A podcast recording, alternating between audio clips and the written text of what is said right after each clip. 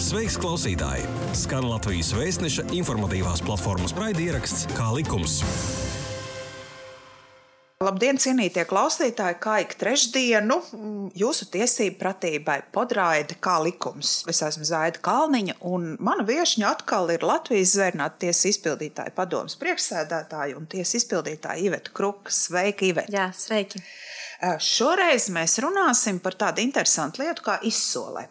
Tas ir veids, kā, nu, kā es to saprotu, kā var iegūt par zemāku cenu absolūti labas lietas, kuras kādu iemeslu dēļ nonākušas ir šajā pārdošanā. Un, ja tā padomā, es tā mēģināju atcerēties, kas man personīgi saistās ar izsolēm, tad tā ir tāda veca Rīgas kinostudijas filma, ja nemaldos, vecā jūrnieka līgsta, kur tādi vīri melnos svārkos, nopietnām sejām izpārdeva šī nu, parādos nonākušā zvejnieka lietas.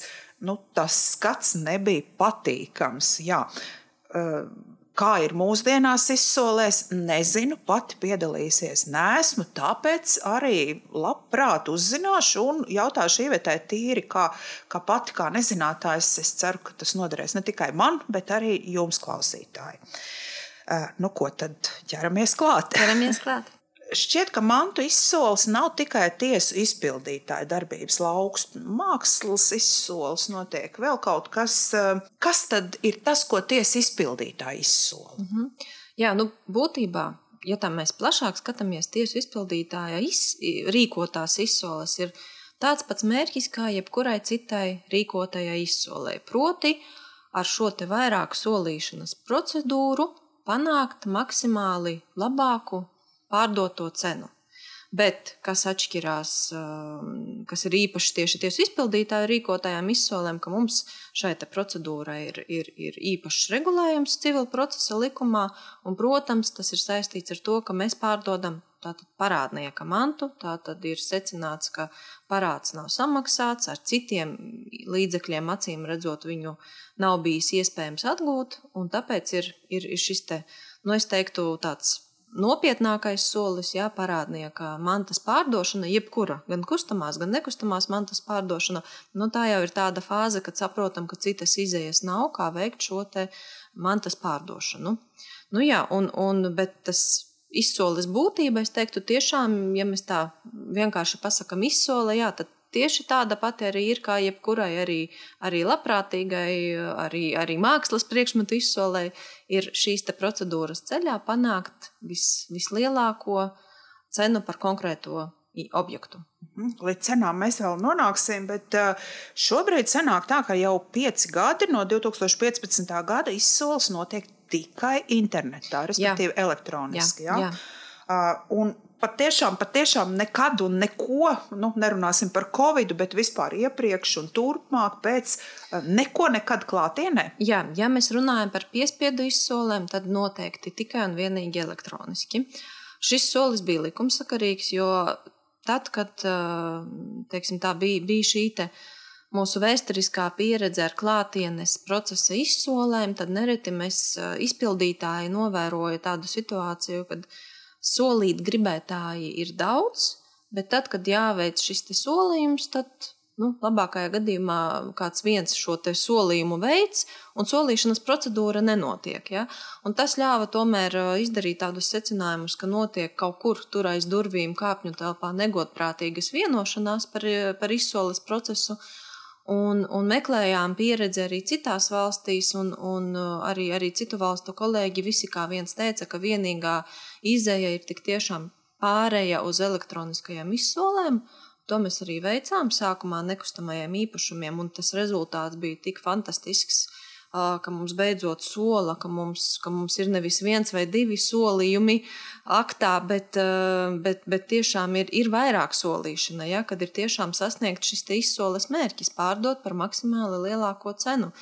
Un tāpēc arī tika modernizēti kustamās mantas noteikumi, un šobrīd pilnīgi visas izsoles, gan kustamai, gan nekustamai mantai, tiek veiktas tikai elektroniski.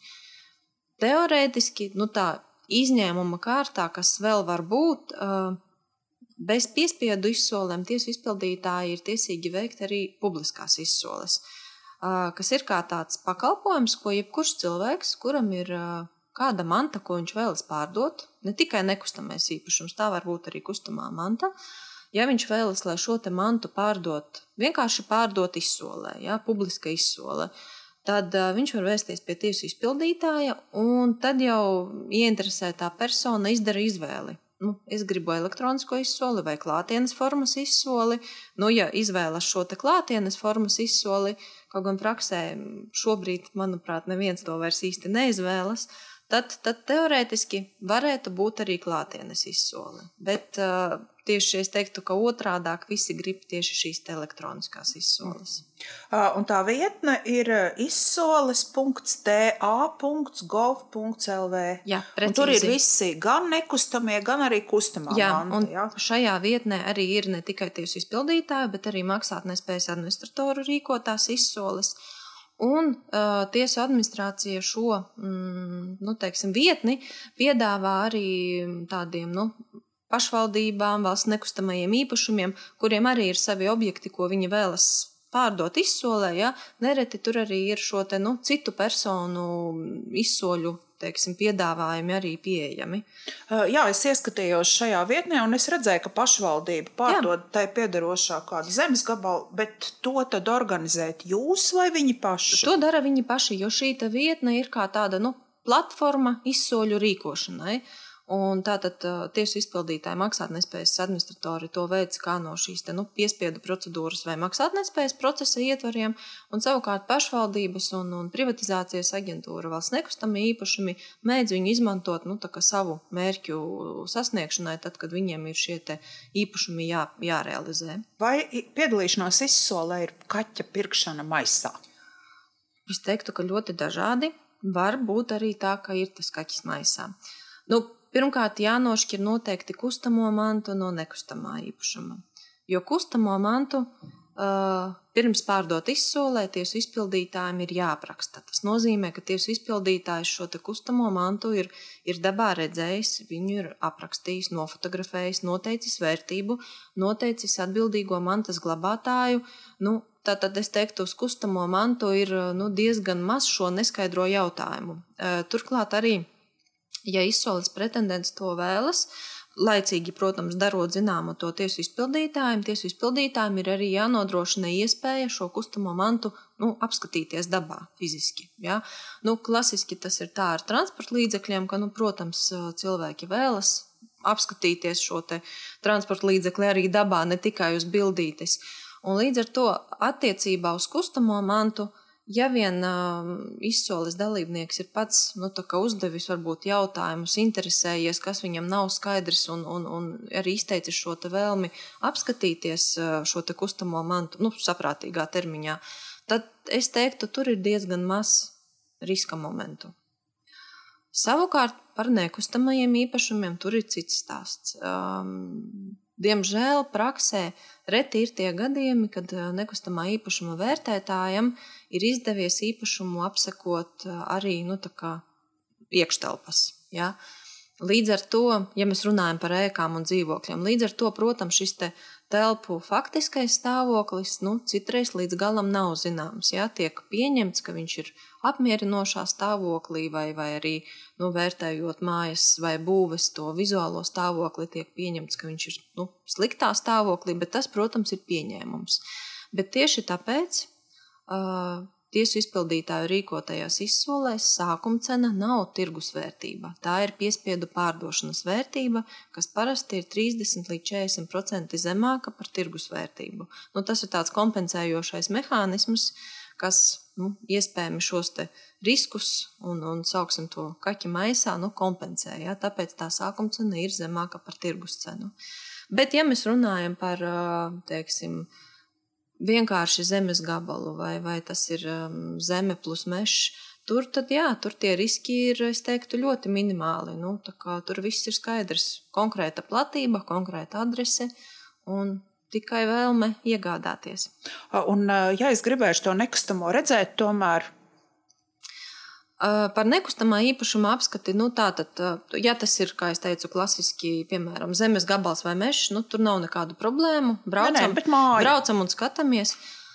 Attiecībā par ēkām, nu, es teiktu, ka tik tālu, cik tas ir iespējams, tā vizuāli no ārpuses, tas ir iespējams. Uh, par to, ka parā, parādnieks ielaidīs iekšā telpās, maz ticams, jo tas joprojām ir parādnieka īpašums. Ir arī tādi pozitīvi gadījumi, arī, arī manā pieredzē, ja, kad, uh, kad paši parādnieki saprot, ka tas ir pareizākais risinājums šo, šī, teiksim, šo īpašumu pārdot.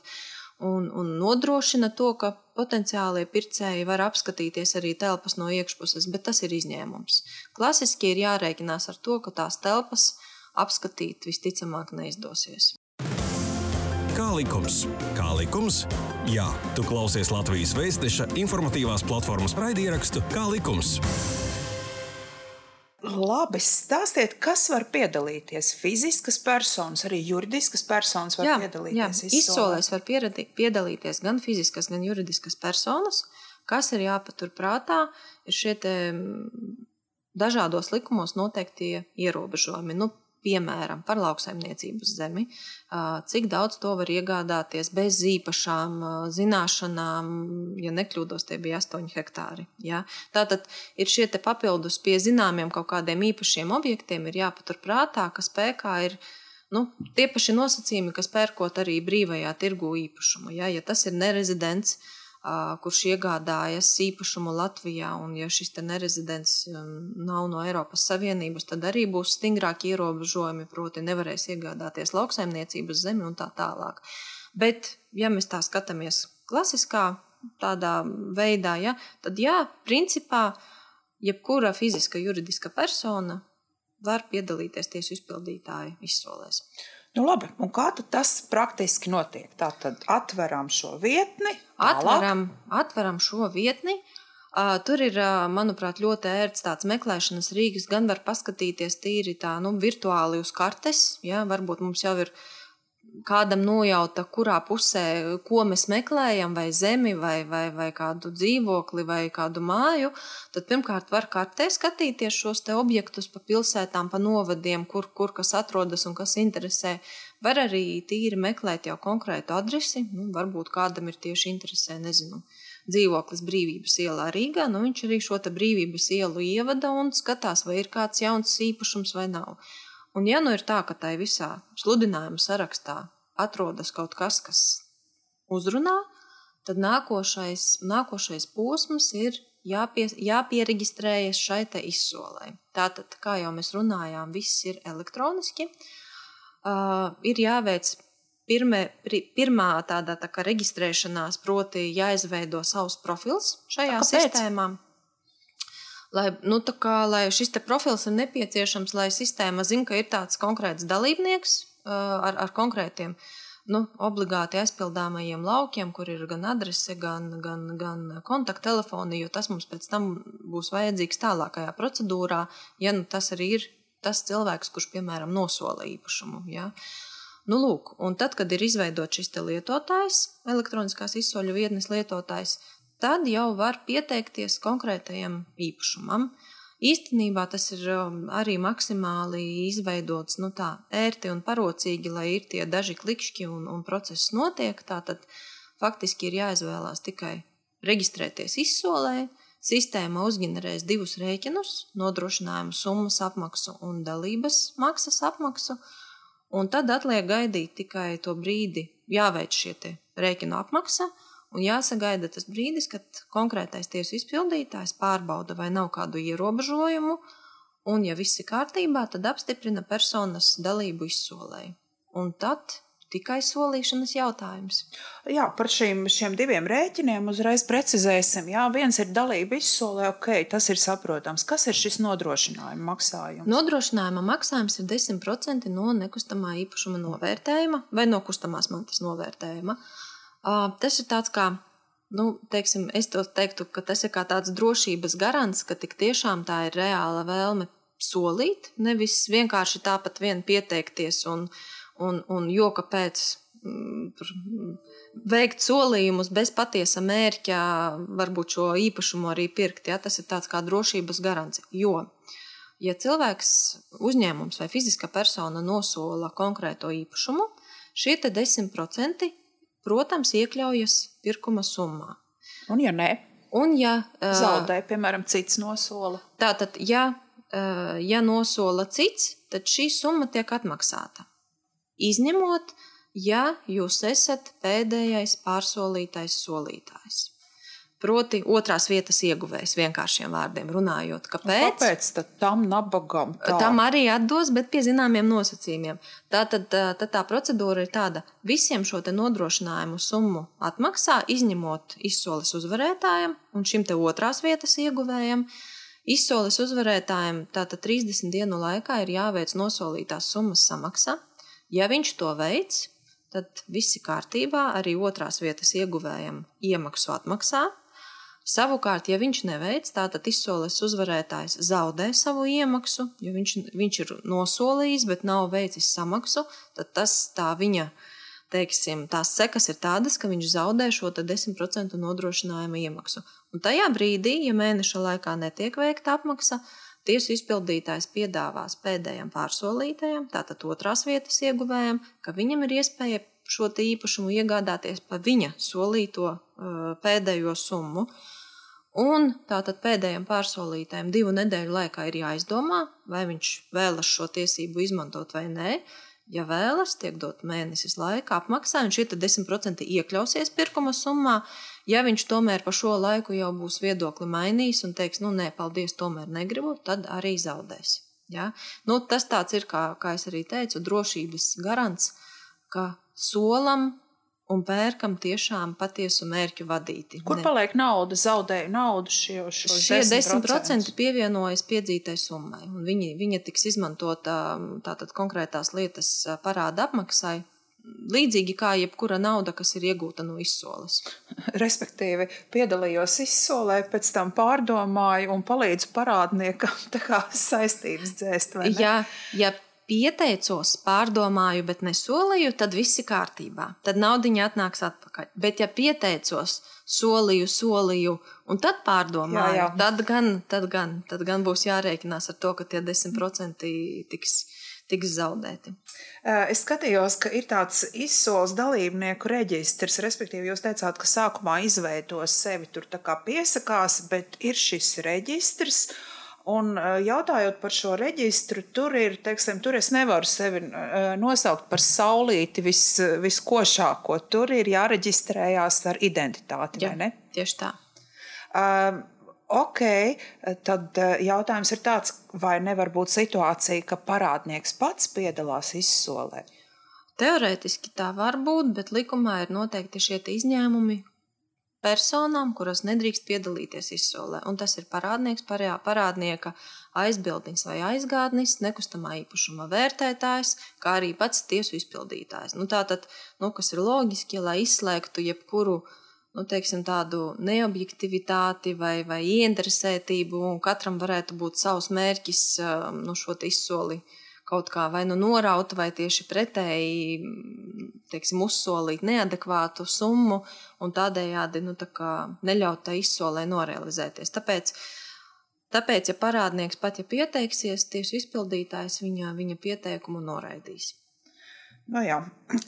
Sakiet, vai ir kaut kāds slieksnis, zem kura tā, kā, nu, tā, tā pārdošanas pirmā tā solījuma maksa netiek nolaista? Jo ir jau izsoles ar, ar to lejupējošu soli arī. Jā, šobrīd, agrāk tā bija kustamai mantai, ka bija šīs izsoles ar lejupējošu soli.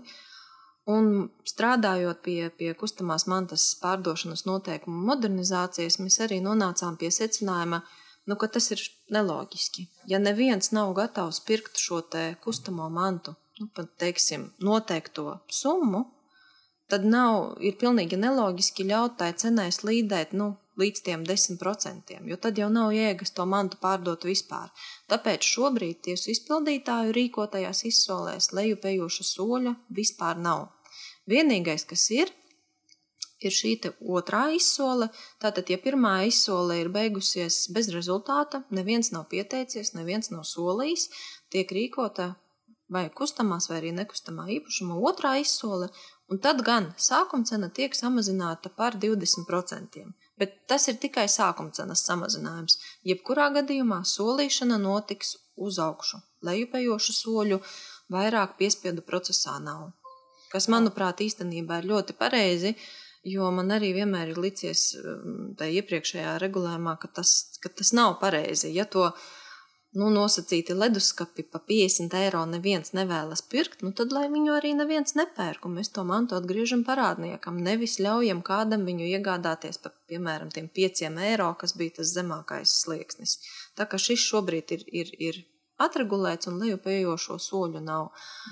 Un te es teiktu, ka arī nav vērts vienmēr cerēt uz to otru izsoli, jo man praksē ir tiešām bijuši vairāki gadījumi, kad kad cilvēks piesakās uz izsoli, bet nu, nolemj, ka pirmajā izsolē nesolīs, ka pagaidīs otro izsoli, jo tad cena būs nedaudz zemāka. Bet tiešām nereti ir tā, ka tai otrajā izsolē piesakās gan vairāki pretendenti, un tad tā solīšana notiek un uzsola krietni virs pirmās izsoles sākuma cenas. Un tad es saku, nu redz, nu vajadzēja solīt tai pirmajā reizē, ja? un tad varbūt būtu, būtu sanācis. Nu, jā, kopā maksā dārgāk, tā sanāk. Jā. Uh, solīšanas process ir anonīms, bet uh, nu, kā tas, nu, teiksim, jūs tur sēžat otrā pusē, saucamajā, uh, kā tad anonimitāte izpaužās, ja runā, teiksim, runa ir par šo reģistrēšanos? Jā, jā tā tad tas izpaužās pirmkārt tādā ziņā, ka izsoles dalībnieki nezin, vai viņš ir viens vai divi vai desmit. Uh, Protams, loģiski to, to redz tiesu izpildītājs, jo viņam ir jāapstiprina šie izsoles dalībnieki, bet arī tiesu izpildītājs, piemēram, neredz, kurš no tiem desmit šobrīd ir uzsolījis. Arī tiesu izpildītājs šo informāciju zinās tikai pēc izsoles noslēguma, kad elektronisko izsoļu vietnes šie te, nu, teiksim, izsoles rezultāti vēl 24 stundu laikā tiek pārbaudīti no, no šī te izsoļu drošības pārvaldnieka puses, ja, vai nav bijuši kaut kādi nu, IT jomas pārkāpumi, kaut kāda iejaukšanās procedūrā. Ja, un tad, ja viss tehniski noritējas korekti, tikai tad mēs saņemam izsoles aktu un mēs ieraugam, nu, kurš tad ir izsoles uzvarētājs.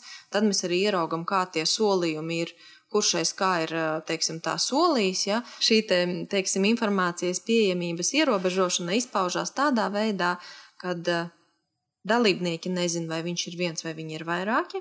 Savukārt izpildītājs ne, nevar zināt un nezina, kurš šobrīd ir uzsolījis. Cik ilgi iet tāda izsola? Izsola laika ziņā, laika ziņā ilgs 30 dienas. Nē, nē, nē, es domāju, tas process, Jā, kas sākās solīšana. Viņš arī ilgs 30 Nopietni. dienas. Tieši tā. Un šeit ir nākošais mīts, ko es, mēs esam mēģinājuši skaidrot un stāstīt, un ko neizdodas cilvēkus pārliecināt. Uh, Praksē mēs novērojam to, ka aktīvā solīšanas fāze vienmēr ir nu, pēdējā stunda. Bet īstenībā, ja vien cilvēks ir piemēram, viņš jau uzreiz pirmajā dienā ir pieteicies, veicis visu rēķinu apmaksu, un es pirmajā dienā, kā izpildītāja, redzu, ka viss ir korekti, un es viņu jau apstiprinu dalībai, solīt var jau no faktiski pirmās dienas. Jā, visas šīs 30 dienas uh, var, ja vien jūs jau esat apstiprināti izsolē, jau var veikt solījumus. Bet, kā jau teicu, praksē tāpat ir tāds uh, stereotips, acīm redzot, ka ir jāsola labāk pēdējā momentā, jo tad kā, mana versija ir tāda, ka cilvēki domā, ka ja viņš uzsola, nu tai visas izsoles noslēdzās 30. dienas, pulkstens 13. Un tad ir tādā, laikam, tas tāds mīts, ka, ja es uzsolīšu, nu, precīzi tai pulkstenis vienos, nu, tad es tā kā tā arī pēdējais palieku. Nē, jo kāpēc? Jo, ja ir bijis solījums pēdējās piecās minūtēs, izsoles laiks automātiski pagarinās par piecām minūtēm. Tātad laiks pagarināsies, lai tik tiešām ļaut uzsolīt visiem. Ja šai pagarinājumā kāds uzsola, laiks vēl pagarinās par piecām minūtēm. Tātad neko nokavēt mēs nevarēsim. Ja? Tāpat tas process beigsies ar to, kad ir piecas minūtes, kad neviens nesola. Tad, kad ir piecas minūtes klusuma, tad sistēma saprot, ka nu, nu, Viss kārtībā, visi, kas gribēja, ir uzsolījuši, un tikai tad izsole beigsies. Nu, manā pieredzē ir izsole, kura ir šis pagarinājums no pulkstenes vieniem, ir ilgusi līdz pulkstenes trījiem. Ja? Nu, tā kā vēl divas stundas ir cilvēki aktīvi turpinājuši, turpinājuši solīt. Ja? Nu, lūk, un, un tāpēc, jā, solīt var visas 30 dienas, un es arī tiem teiksim, klientiem, kuri man zvana un uzdod jautājumus, es visiem arī, arī to arī aicinu, ka, ja jums tiešām ir vēlme konkrēto īpašumu pirkt, negaidiet to pēdējo brīdi, jo paturam prātā, ka tajā brīdī varbūt nedod Dievs jums pazudīs internets. Jūs nepaspēsiet sistēmā ielogoties. Vēl var būt tā, ka pirms šīs te, teiksim, ielogošanās sistēma uzdot izpildīt kaut kādus loģikas testus, lai pārliecinātos, ka otrā pusē ir tik tiešām nu, reāls cilvēks, nevis robots, kurš tur troļļo vietni.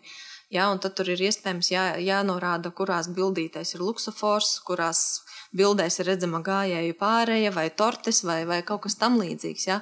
Un tajā brīdī, kad tu saproti, ka tev ir trīs minūtes pēdējā laika, un tad tu sāc stresā to testu pildīt. Un, protams, ka stresā var arī neizpildīt to testu ar pirmo piegājienu, un laiks pazūd.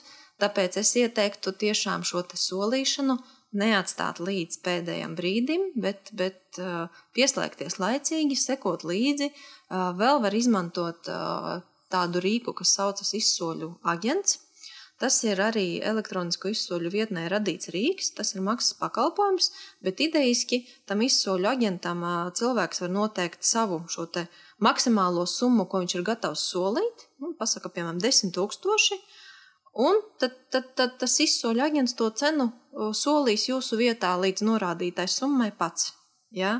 Bet nu, tur arī ir, nu, ir laicīgi jāizdomā, cik tas maksimālais teiksim, līmenis ir, līdz kuram es esmu gatavs solīt. Un, un tad vēl arī tā to var izdarīt, jā, uzticēt šo solīšanu izsoļu aģentam.